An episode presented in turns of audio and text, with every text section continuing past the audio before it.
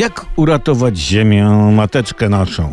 Nasz klimat przed ociepleniem uratować. Bill Gates, założyciel, współzałożyciel Microsoftu, zasugerował, że ludzie w bogatych państwach powinni się przerzucić na syntetyczną wołowinę hodowaną w laboratoriach. Podobno smakuje jak prawdziwa wołowina, tylko zupełnie inaczej.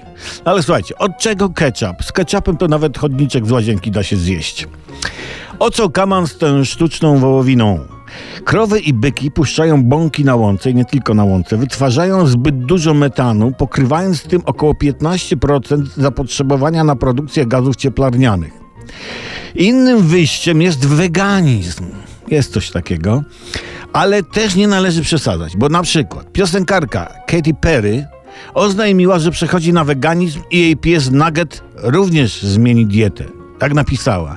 No, piesek skacze z radości z dziesiątego piętra. Tak, jasne. Piesek przechodzi na weganizm. Obudził się w nocy, siurnął, poprawił dwójeczką i se mówi, a w cholerę to wszystko, te gejcy, przechodzę na weganizm. I ufarbowała sobie włosy na zielono, założył luźny swetr z za długimi rękawami i zaczął spoglądać z okna z dziesiątego piętra na rozświetlone miasto jak bohaterka psychologicznych telenowel. Psychologiczna telenowela jest coś takiego? Mniejsza z tym. I co?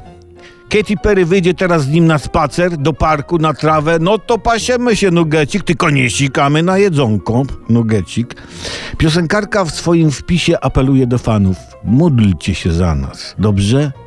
Okej. Okay.